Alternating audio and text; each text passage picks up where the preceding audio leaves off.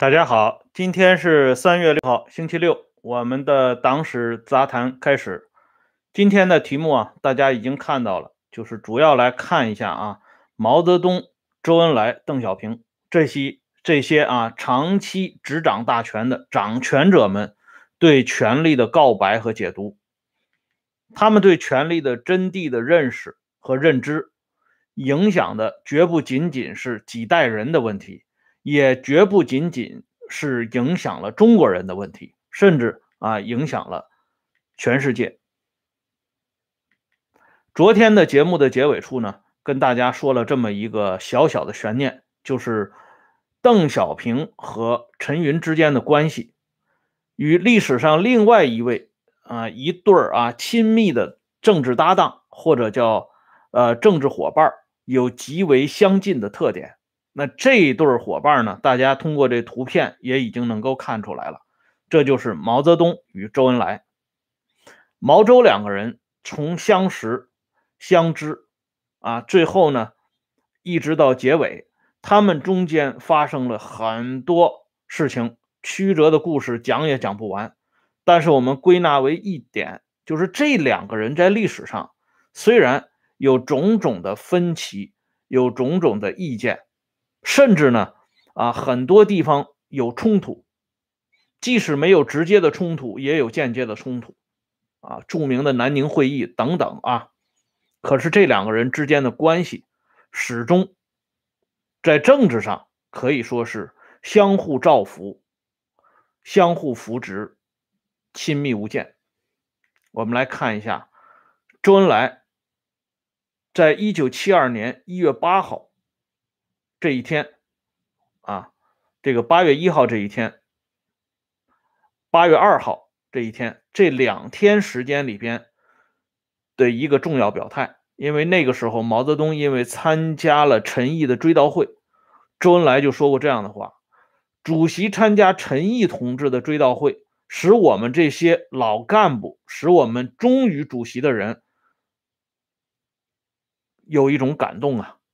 产生了一种感动，啊，而我们也知道，当时毛泽东之所以选择急急忙忙去参加陈毅的追悼会，并不是说毛真的感念陈毅与他当年在井冈山的战友之情，而是借着这一场用死人压活人的好戏，来给自己呢在政治上的落败啊捞一些分数回来，因为当时林彪已经完蛋了。而那个时候，因为林彪事件对毛在政治声誉上的巨大冲击，让毛感到焦头烂额，所以这个时候他急于打出一张王牌。这张王牌呢，就是陈毅的追悼会。而对陈毅追悼会的追忆补白，就是周恩来来具体操作，操作的非常到位。尤其周的这番话，把自己首先放在啊老干部的群体当中。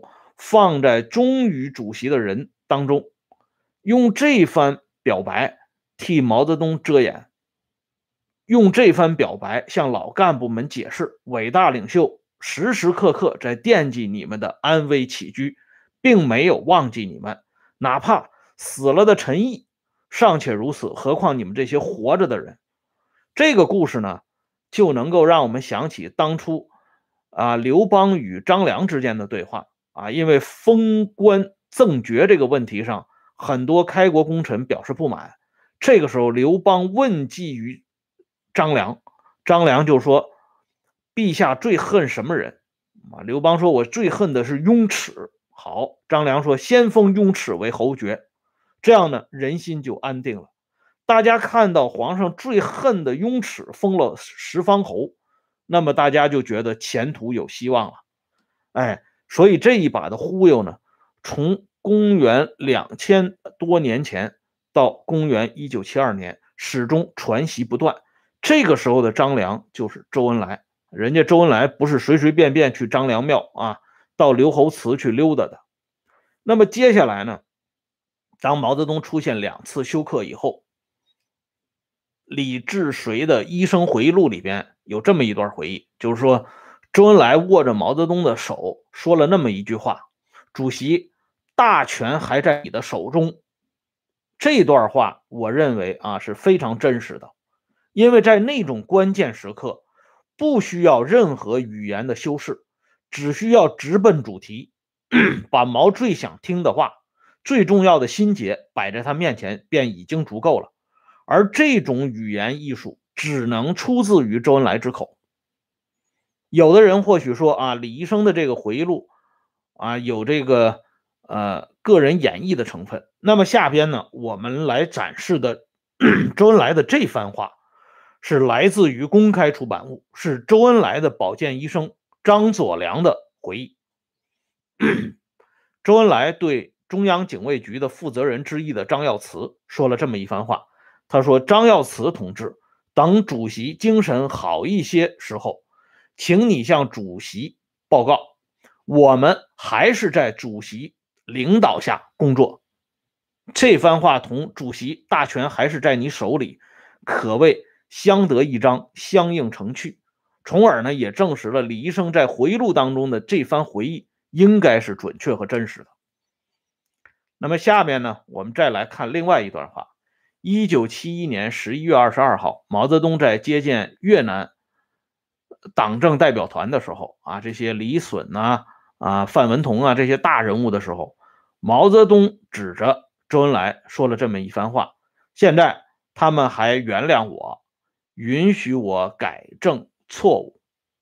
这个话毛是半认真半开玩笑的，而这番话也只有毛泽东与周恩来最清楚它的分量和实质。刚才我已经提到了，因为林彪事件。让毛在政治上变得灰头土脸，不好见人。而毛自己呢，一贯啊揽功推过，可是，在这种关键时刻，他也不得不做那么一点自我批评。虽然这种自我批评完全是隔靴搔痒啊，完全是表面文章，但是他也要说。而说这番话，并不是毛心甘情愿的，所以他在说这番话的同时。也在警告他手下的这些人，不要觊觎老大的地位，所以他的这番话皮里杨秋之意，只有周恩来能够读懂。但同时，我们也能够看到毛周的这种互相依赖、互相倚重的关系。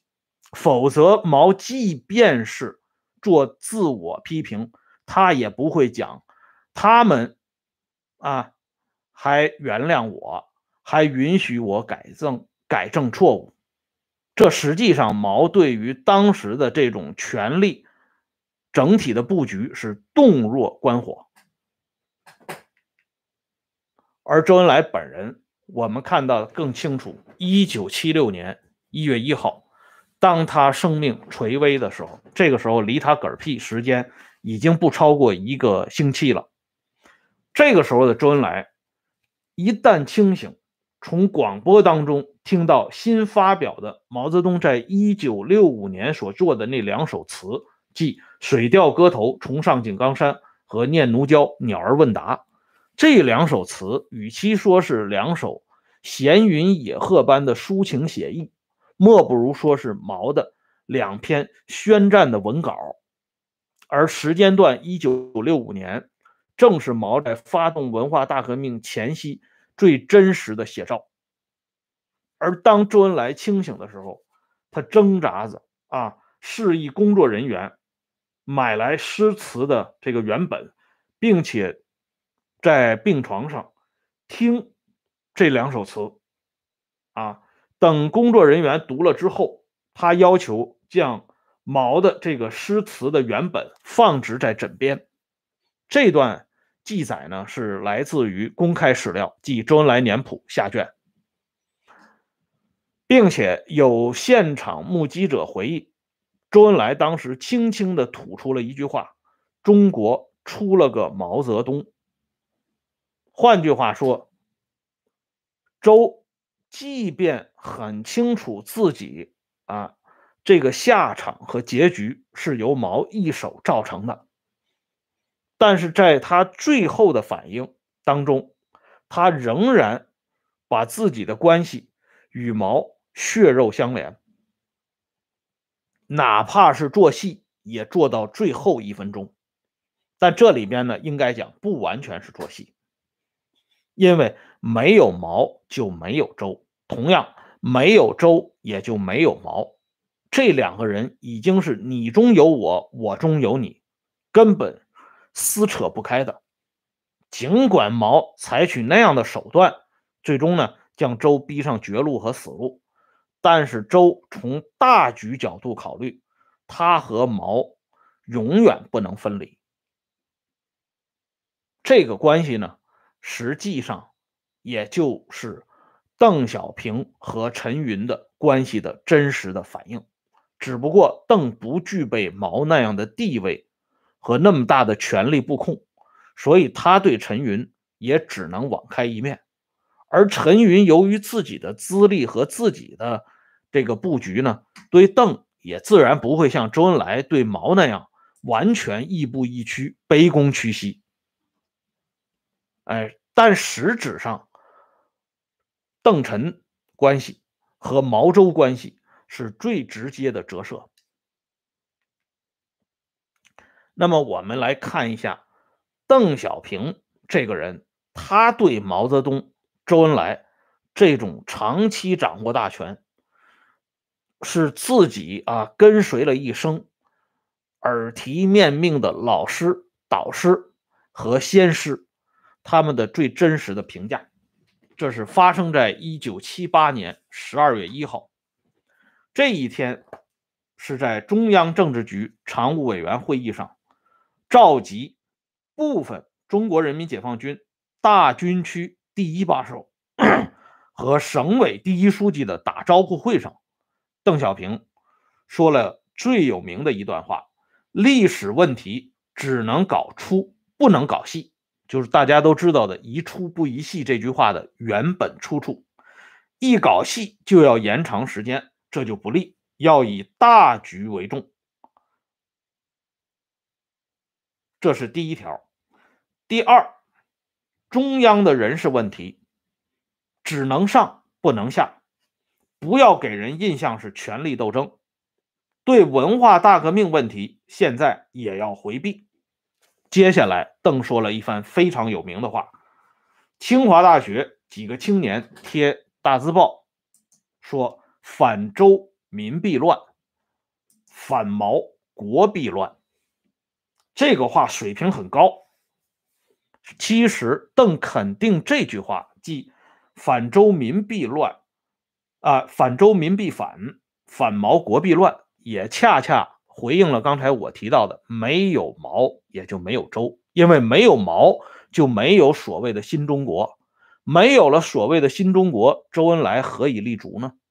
哎，而反周民必反，因为很多老百姓含着热泪，十里长街送总理，否定谁都可以，绝对不能否定他自己。他自己已经化身到周恩来的灵车当中，化身到那个十里长街的长长的队伍当中，所以这也就是为什么直到今天，周恩来的形象仍然。在相当长的时间内，活在相当一大部分人的心目当中的原因，没有人愿意轻易的否定自己，哎，这是一个常识的。接下来，邓又说了一句话：一九五七年反右派斗争是正确的，但后来扩大化了。从这段解读来看。邓提到三条：历史宜出不宜细，大局为重；第二条，毛周之间的关系；第三条，文化大革命在一定阶段内或者在现实的需要当中的时候是可以回避的。反右斗争必须正确，错误的仅仅出于扩大化。这是在一九七八年十二月一号。也就是说，改革开放的号角在正式吹响之前，在十一届三中全会开过之后，邓的一个重要的政治表态，而邓的这个政治遗产，恰恰是邓晚年思想的核心和要素所在。因此，咱们说，今天的一切，从来不是天上掉馅饼的。所谓前因后果。就是这个道理，而从邓的这番讲话，我们再来看一下，昨天我们提到啊，赵子阳在《杜导正日记》当中对陈云的那番看法，我们一会儿不妨一起来看一下。而实际上，邓之所以能够玩弄党的三位名义上的最高领导人于股掌之上，根本一点就是邓抓住了掌权的要素，他抓住了掌权的核心东西。而这三个人，无论是华国锋、胡耀邦还是赵子阳，他们之所以落败。啊，自然是有他们个人能力方面的原因，有他们资历方面的原因，有经验方面的原因，也有性格上面的因素。但更重要的是，这三个人都有一种情怀。当年伟大领袖说过一句名言：“革命者要有一种革命的情怀。”那么，什么叫革命的情怀呢？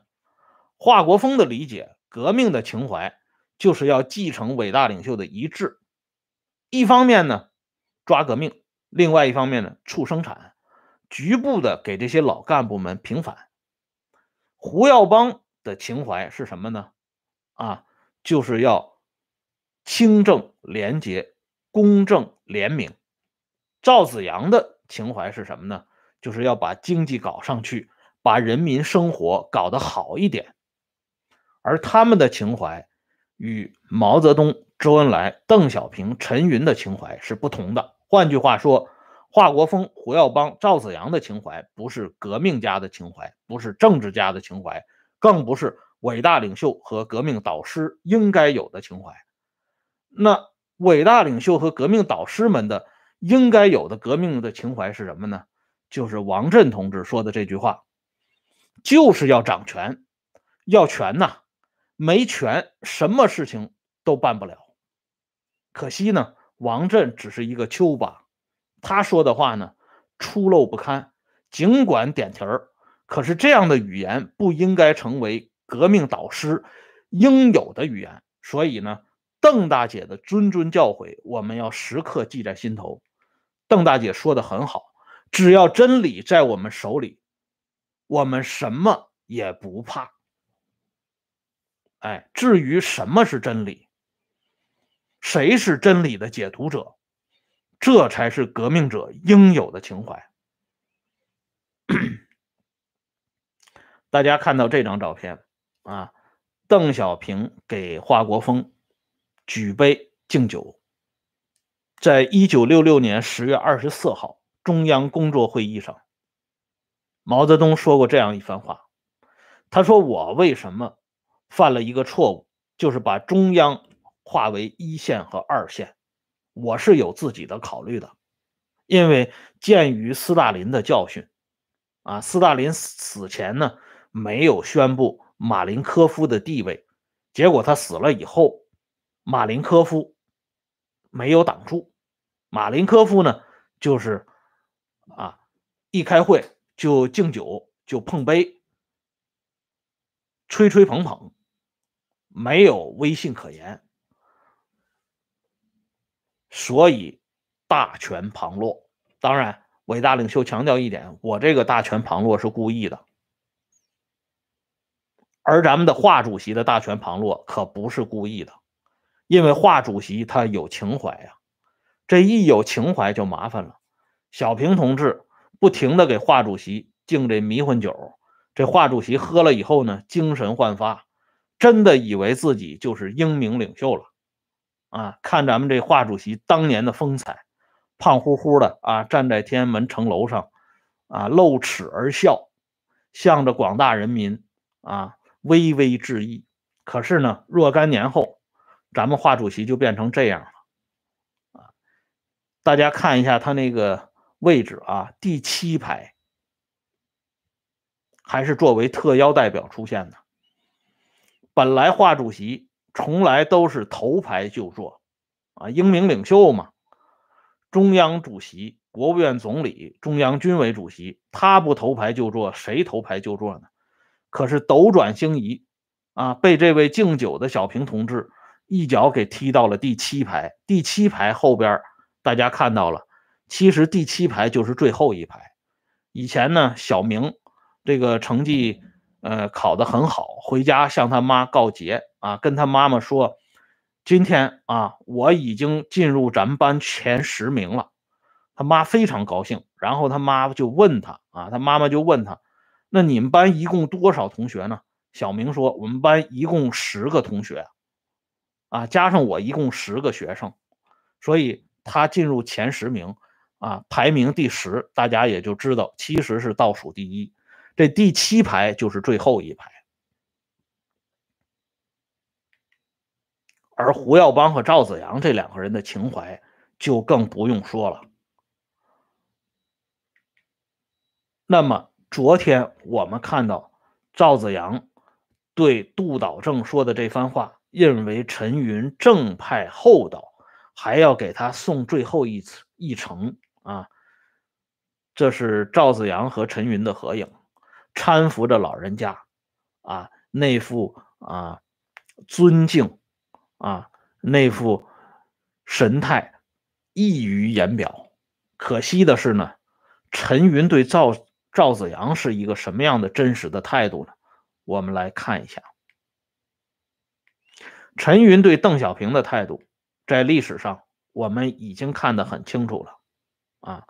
那么陈云在八十年代末五月中下旬，他对赵子阳又是一个什么态度？昨天我给大家说的很清楚。那么今天我们再补充一份材料。这是来自于陈云传的公开描述。陈云在一九八，就是在八十年代末六月八号这一天，他有一个专门的批语：对于经济工作中的失误，赵子阳从来没有做过自我批评。赵子阳同志长期重用一批有严重资产阶级自由化思想的人。倡导改革开放的是以邓小平同志为核心的党中央，并不是赵子阳同志。以上意见请考虑。落款是陈云。